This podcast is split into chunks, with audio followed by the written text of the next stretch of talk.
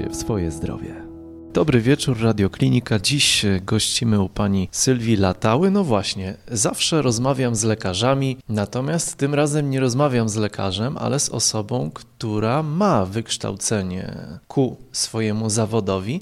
I może zacznijmy od tego, że zapytam panią, skąd u pani profesja, e, by uczyć rodziców o śnie dziecka? Bardzo dziękuję za to pytanie. To jest ważne pytanie. Dlaczego się tym zajmuję przede wszystkim? Bo y, z wykształcenia jestem filologiem angielskim i, i przez wiele lat nauczałam, jeszcze nauczam języka angielskiego. Natomiast y, dlaczego się tym w ogóle postanowiłam zająć? No na pewno nie z braku zawodu i, i, i zajęcia. Sama y, pod swojej, na swojej drodze życiowej przeszłam ten problem po prostu, tak? Urodziłam dziecko i okazało się, że y, no, mm, bardzo trudno nam funkcjonować y, z tym właśnie problemem, czyli brakiem snu, chronicznym brakiem snu, bo to jest wiele miesięcy każdej nocy, tak? Jesteśmy pozbawiani odpowiedniej ilości jakościowego snu. Wiem sama, jakie to jest trudne. Niestety nie znalazłam wtedy odpowiedniej osoby, czy kogoś, kto by się specjalizował w ogóle w tym kierunku. Pediatrów y, nie próbowała Pani pytać? Pewnie wielu. Oczywiście, że próbowałam, tak jak i próbują moje klientki i spotykałam się z taką samą odpowiedzią, jak dostają moje klientki, które mi o tym opowiadają, że to jest naturalne, samo przejdzie, związane pewnie z ząbkowaniem, skokiem wzrostowym, skokiem rozwojowym. Trzeba przeczekać już niedługo, około trzeciego roku życia, to zaniknie pewnie ten problem. Natomiast no, dla nas, e, kiedy dziecko, kiedy syn miał 12 miesięcy i czekanie do trzeciego roku życia było wykluczone, tak? Tutaj jakby zaważyły na tym pewne czynniki. Priorytety, można powiedzieć. Priorytetem jednak było rozwiązanie tego problemu, bo tak bardzo rzutował na, na nasze życie. Tak samo jest w przypadku moich klientek i osób, z którymi się spotykam. W pewnym momencie okazuje się, że ich zdrowie albo stan psychiczny jest już taki, że naprawdę warto się tym zająć i spróbować przynajmniej to zmienić, albo troszeczkę chociaż poprawić sytuację. Co się potem stało? Aż tak ambitnie do tego pani podeszła, że stało się to pani zawodem. Tak, zależało mi, żeby mimo wszystko przeprowadzić tą zmianę. Kluczowe było dla mnie to, żeby zrobić to z miłością i y, zrozumieniem potrzeb dziecka i w ogóle postanowiłam, że albo w ten sposób, albo wcale. Przeczytałam odpowiednio odpowiednią ilość książek, y, strony internetowe też nie wystarczały y, i po prostu ułożyłam sobie swój własny plan na to, plan, y, pewien plan działania, który wdrożyłam i okazał się bardzo skuteczny i rzeczywiście nie było przy tym płaczu dziecka, co jest no, bardzo niesamowite, ludzie mi nie dowierzają, a jednak da się to tak zrobić. Później nauczając języka spotykałam na swojej drodze ciągle osoby mające ten sam problem. Opowiadałam im o tym, czasem komuś pomogłam, kiedyś w mojej grupie językowej też znalazła się osoba, mama, która była ziewająca, wyraźnie zmęczona. Umówiłyśmy się na kawę, pomogłam jej skutecznie, tak? Było osiem spotkań, osiem rozmów i w ten sposób e, zauważyłam, że no, szkoda nawet zachować może tą wiedzę dla siebie, lepiej się nią podzielić, chociażby na tych warsztatach. Dać innym w ogóle nadzieję, że to można zmienić. Natomiast literatura to, to jest jedno, a szkolenia i taka droga edukacyjna to jest drugie i odnalazła Pani odpowiednie, na których się wykształciła. Tak, y, w Polsce takich szkoleń nie ma. W Londynie odnalazłam takie szkolenie, które bardzo jest w zgodzie ze mną przede wszystkim. Mm, szkoleń w Stanach Zjednoczonych i w Wielkiej Brytanii trochę jest, natomiast to jedno właśnie y, skupia się na podejściu łagodnym do, do mm, sypiania dzieci w ogóle i zmian w tym, z tym związanych. E, odbyłam to szkolenie, to jest e, akredytowany kurs e, przez inną instytucję, także bardzo dobrze, tak. Napisałam pracę w tym temacie, została sprawdzona, więc jakby zdałam, tak, na tej podstawie ten, ten kurs. Czyli wiedza z zachodu przychodzi na wschód. Wszystko zaczyna się, jak pani pięknie powiedziała, od ziewającej mamy. Śliczny widok, każda mama jest pięknym y, widokiem, każde dziecko jest przepiękne i zaczynamy y, właściwie od tej ziewającej mamy i nie tylko, bo też od tego, co pani powiedziała, czyli tego pediatry, który tam mówi, że a, do trzeciego roku to, to jest normalne, że dziecko ma problemy ze spaniem. No właśnie, Co jest normalne, a co nie jest normalne w przypadku snu dziecka? Co jest wynikiem natury, co jest wynikiem naszego złego postępowania? Bardzo dobre pytanie. Rzeczywiście e, budzenie się dzieci w ogóle jest naturalne do trzeciego roku życia. I y, różnica e, polega na tym, że niektóre dzieci, które w wieku dwóch lat na przykład przesypiają noce albo w wieku roku, potrafią zasnąć po przebudzeniu w nocy bez y, takiej wyraźnej pomocy rodziców. Inne dzieci tego po prostu nie potrafią, nie nabyły takiej umiejętności, nie wiedzą jak to zrobić.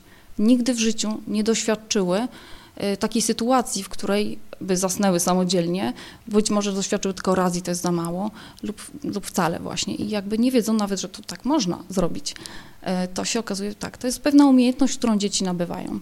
Umiejętność związana z zasypianiem wieczorem, to jest jedna, i druga z zasypianiem przy wybudzeniach w nocy. Natomiast ja rzeczywiście sam, chociaż dziecka nie mam, no to jak któraś z rodzin z małym dzieckiem mówi, my to właściwie to w nocy śpimy, dziecko nie sprawia nam wielu problemów, to wszyscy inni rodzice robią wielkie oczy. Jak to jest możliwe? Przecież nasze tutaj nie daje nam spać. Budzi się co godzinę. Właśnie od czego to zależy? Bo pewnie nie tylko i wyłącznie od braku miłości jakiejś wystarczającej.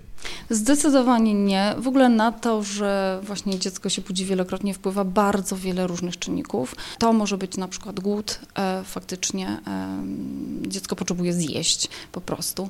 E, to może być brak określonych e, bodźców, które jakby pomagają mu zasnąć, czyli jeżeli dzieciątko zasypia huśtane, lulane, to ono naturalnie tego samego spodziewa się i o drugiej, i o trzeciej, i o czwartej, i o piątej czasem wszystkiego tego, co normalnie dostaje. Więc e, tak się to dzieje, tak? I wtedy dzieciątko no, po prostu, tak będę do tego wracać, nie potrafi tego zrobić. E, bez tych elementów, które normalnie zawsze są, kiedy zasypia. I tu zdaje się dochodzimy do takiego momentu, kiedy trzeba powiedzieć o roli rytuałów, czy też systematyczności postępowania z małym dzieckiem, by tak zaprogramować je już od małego, żeby w nocy było w miarę spokojne i nie budziło się kilka razy, tylko załóżmy raz. I to jest pewnie ten główny cel pani pracy z rodzicami. Tak, rola rytuałów bardzo ważna i można powiedzieć, że dobry sen dziecka zaczyna się już w dzień. Dzień dziecka, który jest poukładany, ma w miarę jakiś harmonogram, jeśli chodzi o kolejność pewnych aktywności, które dziecko ma, już dobrze wpływa na ten sen. Chociażby drzemki, które się y, też powinny, powinny być i y, odpowiednia ich, odpowiedni ich czas i ich długość też wpływa dobrze na sen nocny. Przemęczenie dziecka na przykład niedobrze wpływa na sen w nocy i w ogóle na sypianie wieczorne. Sam rytuał też z drugiej strony nie wystarczy. Jakby trzeba tu zadbać o wiele różnych elementów. I to, żeby dziecko ma poukładany dzień, to też właśnie no, samo to nie zmieni e, sytuacji takiej, że nasze dziecko budzi się wielokrotnie. Ważne są, niezmiernie ważne, te, te nawyki dziecka, które ono ma, kiedy zasypia. Co dokładnie się wtedy dzieje? Rytuał to jest jedno, ważne, dlatego że buduje poczucie bezpieczeństwa dziecka. Jego świat staje się bardziej przewidywalny, ono wie, czego oczekiwać, czuje się bardziej bezpieczne, a to pozwala mu łatwiej zasnąć. Z drugiej strony, jeżeli nawykiem dziecka jest bycie huśtanym codziennie, w foteliku samochodowym, w wózku, no to to powoduje, że ono inaczej nie potrafi i w nocy tak samo prawdopodobnie najczęściej. Niezwykle ważne rzeczy pani powiedziała, natomiast sobie myślę w ten sposób. Rodzice mają swój dzień, dziecko ma swój dzień. Oczywiście to jest organizm połączony, ale tak, regularność dziecka oczywiście trzeba połączyć z regularnością rodziców, co jest w dzisiejszych czasach niezwykle trudne, bo każdy z nas ma 50 tysięcy rzeczy na głowie. Mama musi wyjść, tata musi wyjść, babcia nie mo może przyjechać. I czy to jest w ogóle możliwe, żeby tak to dostosować w momencie, kiedy my sami nie wiemy, co będziemy za godzinę robić, bo, przy, bo, bo jest telefon z pracy. A tutaj wychodzi na to, że no, zaleca pani niezwykle takie podejście rzeczywiście z, z, zegarkiem systematyczne. Też niezwykle skuteczne, teraz mi się przypomniało, w przypadku osób bardzo starych, w podeszłym wieku, chorych. Przypominam sobie moją babcię w wieku 90 lat, gdzie ona miała dokładniusieńko wypisane regularnie. O tej porze tabletka, o tej porze drzemka.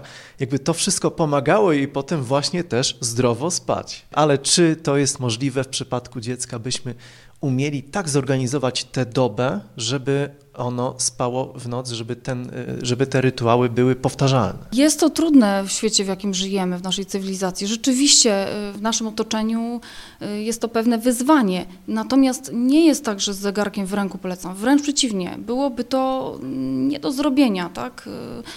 Tu nie musi, to, to nie musi być dokładnie co do pięciu minut obiad czy, czy, czy posiłki. Nie, tu bardziej chodzi o kolejność i pewną stałość. Kolejność działań y, czy aktywności dziecka i pewną stałość w tym. Jakby jeżeli zawsze jest ta sama, bardzo dobrze się odnajdują w tym dzieci, bo one wiedzą, co potem się stanie. Nawet jak mamy pewne przesunięcie w czasie, to aż tak bardzo nie zaburzy. Ważne, żeby dziecko wiedziało, czego się spodziewać. Nie jest dobrze, jeśli jest totalny chaos. Tutaj podam ekstremalnie, żeby zobrazować o co chodzi, tak, że jakby dziecko nie wie, czy dzisiaj będzie z tatą, czy z opiekunką, ile godzin z opiekunką, bo mama raz jest, raz jej nie ma, raz jest wieczorem, raz jest rano, raz jej nie ma cały dzień, raz jest cały dzień. Kompletnie nieprzewidywalny staje się ten dzień tego dziecka, tak? I to no na pewno nie pomaga, jeśli chodzi o poczucie bezpieczeństwa, wręcz przeciwnie. A żeby dobrze zasnąć y, spokojnie,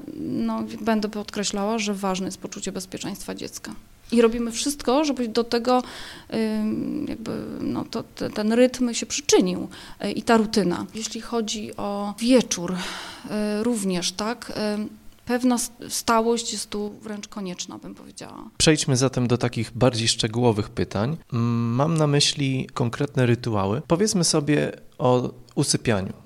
Jak to usypianie powinno wyglądać? Czy ono jakoś powinno wyglądać? Czy to już trzeba dostosować właśnie do dziecka, bo każde jest inne? W związku z tym pani nie napisała jednej książki Postępujcie tak, tylko pani pracuje z rodzicami konkretnymi i z dzieckiem. Na tym polega pani praca. Usypianie. Powiedzmy o tym usypianiu.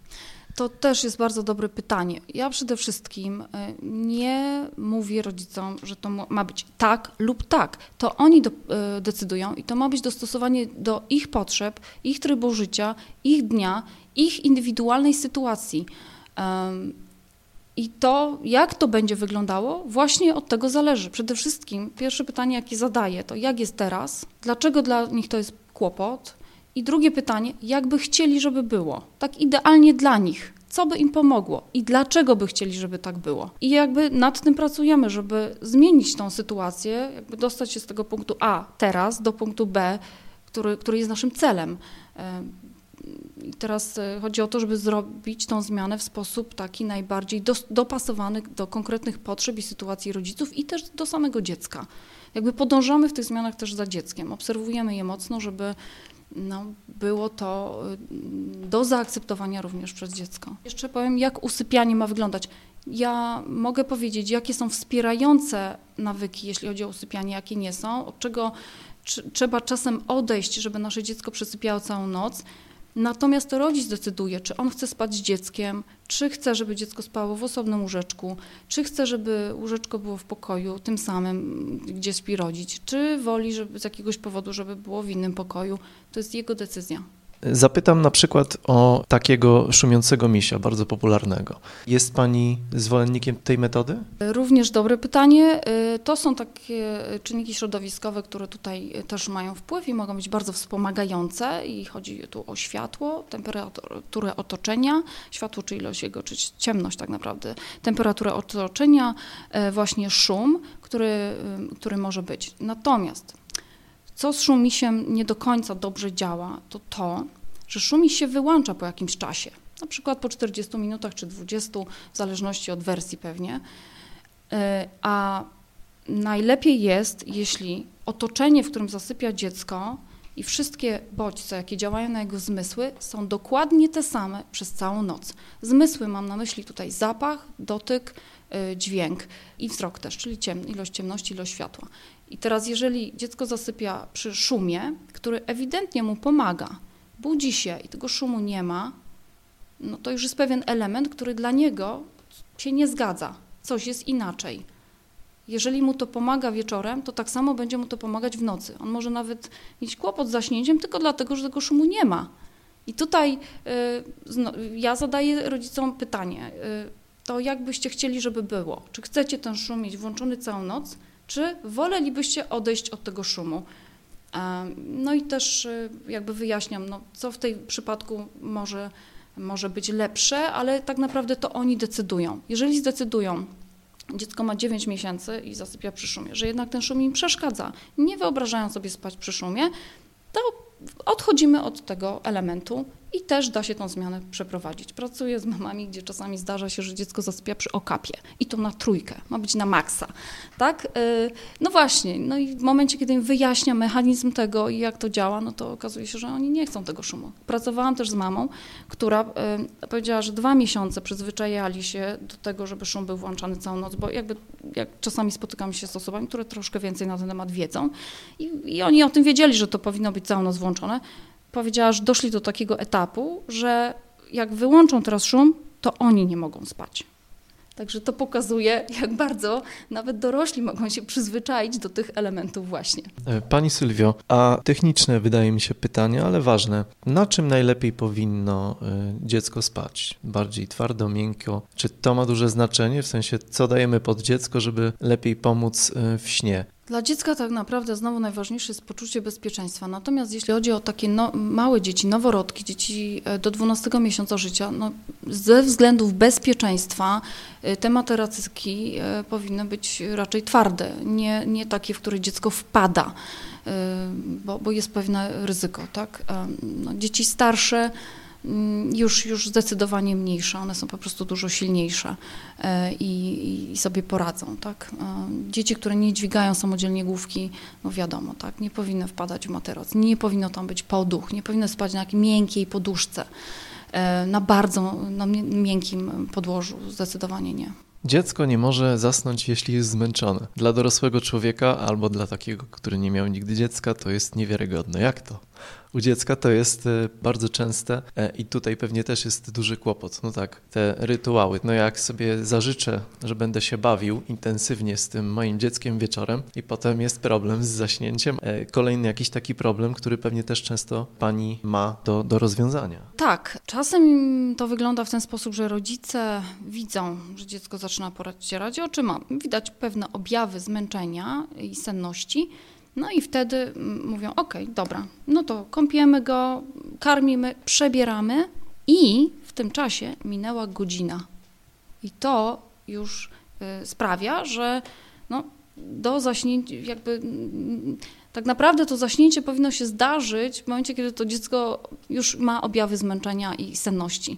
To, to tutaj no, godzina jak minie, to, to już jakby uciekło, że tak powiem, tak? Y, jakby mm, można powiedzieć, że są tu pewne okienka odpowiednie na zaśnięcie i jakby przegapimy to okienko, y, no to później musi znowu minąć jakiś czas, żeby dziecko mogło zasnąć. Związane jest to z regulacją hormonalną. Jakby y, pojawiają się hormony, które podtrzymują aktywność, nawet jak no, dziecko nie miało możliwości zasnąć, bo było kąpane i tak dalej. I później ten poziom po prostu musi opaść, żeby znowu była taka możliwość. I to zabiera pewien czas dla organizmu, e, ta regulacja i dlatego tak się dzieje. E, jest to pewne błędne koło, tak? I, i no, trzeba tak dostosować e, ten wieczór i e, to, co się dzieje w domu, żeby wykorzystać odpowiedni moment dla dziecka na zaśnięcie. I zwrócić też uwagę na czas aktywności dziecka, jaki on jest dla niego, nawet indywidualnie odpowiedni, od drzemki do zaśnięcia wieczorem. Nie przeciągać go 5-6 ileś godzin, bo to później no, będzie miało niedobry wpływ drzemki e, w trakcie dnia bardzo na rękę, wiadomo, trzeba się czymś zająć, fajnie, niech śpi, a potem w nocy jest problem. Tak, no drzemka nie może trwać 6 godzin, tak, to, to już też czego, tego trzeba dopilnować, wszystko e, w granicach rozsądku. Z drugiej strony 20-minutowe drzemki to nie są pełne drzemki. E, to dzieciątko nie weszło nawet w głębszą fazę snu, ono nie dospało i to znowu będzie przemęczenie i niezadowolenie dziecka pewnie wyraźnie widoczne. Więc przede wszystkim trzeba zaobserwować, czy jeżeli dziecko budzi nam się po godzinie, czy po, po godzinie i 20 minutach, czy ono jest zadowolone, czy ono jest uśmiechnięte, czy ono jest zainteresowane światem, czy jest chętne do zabawy. Jeśli tak, no to to jest dla niego odpowiednia ilość snu. I, i, no i tyle mu wystarczy. Niekoniecznie to musi być dwie godziny na przykład. Pani Sylwio, spanie z dzieckiem to też, rozumiem, indywidualna rzecz. Nie będziemy tutaj mówić o jakichś radach dla wszystkich. Tak, jest to indywidualne. Spotykam się z rodzicami, którzy decydują się spać z dzieckiem. Jest to ich wybór i uważam, że jeżeli tylko dobrze się z tym czują, e, e, jakby są w tym w zgodzie, są z tym w zgodzie, to fantastycznie. Jest to miłość, bliskość, ciepło, e, no wszystko co najlepsze tak naprawdę. Natomiast znowu, e, trzeba popatrzeć na priorytety. Jeżeli się okazuje, że śpimy z dzieckiem, ale czujemy się z tym fatalnie tak naprawdę, mm, tak naprawdę to nie śpimy, bo my pilnujemy, żeby dziecko nie spadło. Ono to w ogóle wędruje po całym łóżku, zrzucając nas na krańce tego łóżka. Nie śpimy w wygodnej pozycji, boimy się obrócić, bo jak się obrócimy na drugi bok, to dziecko się obudzi. Jeżeli tak to wygląda, to niekoniecznie jest to dobre rozwiązanie dla danej rodziny. Spotykałam się i z takimi rodzicami, i z takimi. Spotkałam się z mamą, która powiedziała mi, że, że, że, że mi bardzo dziękuję za to, że jej powiedziałam, że ona może spać z dzieckiem, że to jest wszystko ok i to jest w porządku, bo ona się czuje szczęśliwa teraz i, i osiągnęła no, no, pełnia macierzyństwa, bo, bo jakoś całe otoczenie gdzieś y, tam podpowiada i jest takie troszkę gdzieś przeciwne i sceptyczne temu. A ona też powiedziała, że tak naprawdę ona by chyba nie mogła spać, jakby to dziecko spało w łóżeczku, bo ona by ciągle je obserwowała. Bo ona się czuje spokojnie tylko wtedy, jak śpi z nim. I ona wtedy może spać. To jest dość nietypowe. Większość osób ma jednak na odwrót, że nie śpią z dzieckiem, bo pilnują, żeby to dziecko właśnie nie, nie spadło i, i gdzieś tam za bardzo się w kołdrę nie, nie zakopało i tak dalej. Pani Sylwio, jednym słowem, nie ma jakiejś uniwersalnej instrukcji dla wszystkich. Natomiast gdybyśmy na koniec podsumowując, zebrali taką kwintesencję i powiedzieli o tych najczęstszych błędach, te najczęstsze błędy rodziców, które potem wpływają na to, że mają bezsenne noce, to, to jakie to są te błędy? Tak naprawdę najczęściej y, to, mm, że na to, że dziecko budzi się w nocy, wpływa działanie rodziców, które mm, jest jakby tu wieczorem, kiedy dziecko zasypia. E, często rodzice nie wiedzą o tym, że no, roczne dziecko mm, niekoniecznie już e, potrzebuje jeść tak bardzo dużo w nocy i próbują jakby zastąpić na przykład pierś butelką. E, nie jest to najlepsze. Ja wiem, że próbują mu zastąpić jedno drugim, natomiast to jest wpadnięcie z jednego problemu w kolejny problem i to może nawet jeszcze większy, bo jedna rzecz to dziecko jeszcze bardziej nauczy się jeść w nocy, bo to jest kaloryczny pokarm, Druga rzecz, y, no, ssanie butelki smoczka do zaśnięcia również powoduje y, takie skojarzenie i, i nawyk, że żeby zasnąć, to trzeba postać to, ten, tego smoczka. I potem mamy dwie, tutaj przy butelce czasami dwie rzeczy do oduczenia. Nie naj, wcale nie takie łatwe. Inna rzecz też zależy dla, może dla dziecka w jakim wieku, ale jakby trzeba się tu zastanowić za każdym razem, co my dokładnie robimy z dzieckiem, kiedy ono zasypia. Nie na godzinę przed zaśnięciem, tylko w momencie jego zasypiania. Gdzie ono jest i czy my tak chcemy, żeby ono tak zasypiało, bo, bo to, co wtedy robimy, właśnie e, automatycznie przekłada się na to, co się dzieje w nocy. Czyli jeżeli ja go huśtam, chodzę z nim, huśtam go w przysiadach góra-dół, no to później w nocy pewnie ono będzie się tego domagać i zresztą słusznie. Dzieci są bardzo konsekwentne. I właśnie kolejna rzecz. Dzieci są bardzo konsekwentne, rodzice czasem trochę mniej. Nie należy się szybko zrażać, że brak postępów, tak? Mamy mówią, no próbowałam, ale widać było, że, że to nie działa. To nie jest tak, że to dzieciątko nam zapamięta po jednym razie jakieś e, nasze działanie. To nie wystarczy raz, żeby się zdarzyło, że zaśnie nam na rękach bez bujania. To trzeba powtórzyć. Jeśli raz się udało, trzymajmy się tego, bądźmy konsekwentni, starajmy się to powtórzyć. Tak? Trzeba wierzyć też w tą zmianę. Rodzice często w ogóle, ci, którzy do mnie przychodzą, oni nie wierzą, że to jest w ogóle do zrobienia. Jak, kiedy zadaję im pytanie, to jak byś chciała, żeby to wyglądało? Opisz mi to w szczegółach i wyobraź to sobie, to mama mi czasem odpowiada, ja nawet sobie tego nie mogę wyobrazić. To jest niemożliwe. No właśnie. I tutaj e, chcę powiedzieć, że to jest możliwe, tylko wymaga mm, wysiłku, trochę czasu i trochę pracy i trzeba się na tym skoncentrować. Czyli e, jeżeli mm, podejmuję już takie działania, żeby to zmienić i wkładam w to pewno w swój czas i pracę, a później e, mam wyjazdy w tym samym czasie, wakacje, gdzieś wyjeżdżam, weekendy i tak dalej, no to trochę się to rozjedzie gdzieś, trochę się to przeciągnie, no bo no to jest znowu zmiana środowiska dla dziecka i my próbujemy zrobić zmianę, a tu rodzice jeszcze inno robią zmianę, a w ogóle cały świat dziecka ciągle się zmienia, bo ono się bardzo intensywnie rozwija. I to już jest za dużo, tak? I no, trzeba zwrócić na te elementy e, uwagę. Jest to absolutnie do osiągnięcia i realne, by dziecko spało w nocy, czyli wlejmy trochę nadziei. Nie jest to żadna e, teoria z kosmosu. Tak, ja w to bardzo wierzę i zakładam za każdym razem też, że nie ma podłoża fizjologicznego, tak? Mogę powiedzieć, że no, tak naprawdę rodzice, którzy się do mnie zgłaszają, oni to już sprawdzili, bo najpierw idą do lekarza, najpierw pytają, czy to nie są zaburzenia, najpierw robią jakieś badania czasem. Wykluczają e, alergię, anemię, e, e, astmę, refluks e, i inne tego typu rzeczy. A lekarz jednoznacznie stwierdza, że dziecko jest zdrowe, no i wtedy ja mogę pracować z rodzicem, tak? Kiedy jakby chodzi o be behawioralne techniki, tak? Pracy tutaj. Nie, nie chodzi o żadne medyczne aspekty tego. tego. Ja bym powiedziała, jeszcze jest inne pytanie, czy w ogóle problem można uniknąć, tak? Bo, bo, bo tak, takie pytanie mamy mi też zadają, które zakończyły ze mną pewien proces, osiągnęły pewien cel i efekt. I potem y, ich pytanie, to tak na koniec powiedz mi, y, czy przy drugim dziecku, to co? To co mam robić? Na co zwrócić uwagę? Bo, bo planuję drugie dziecko, ale nie chciałabym drugi raz tego przechodzić i w ogóle mieć tego problemu. To można tego uniknąć? No właśnie i Uważam, że na pewno z, z, określoną wiedzą można przynajmniej zminimalizować problem albo go całkiem uniknąć.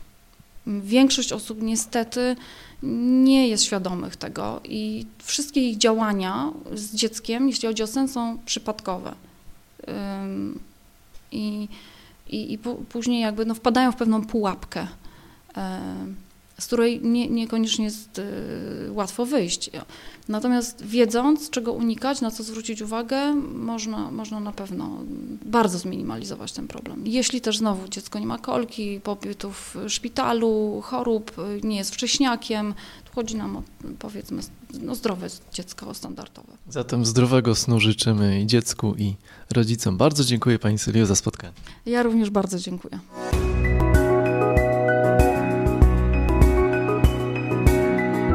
Więcej audycji o zdrowiu na stronie radioklinika.pl oraz w naszej aplikacji mobilnej.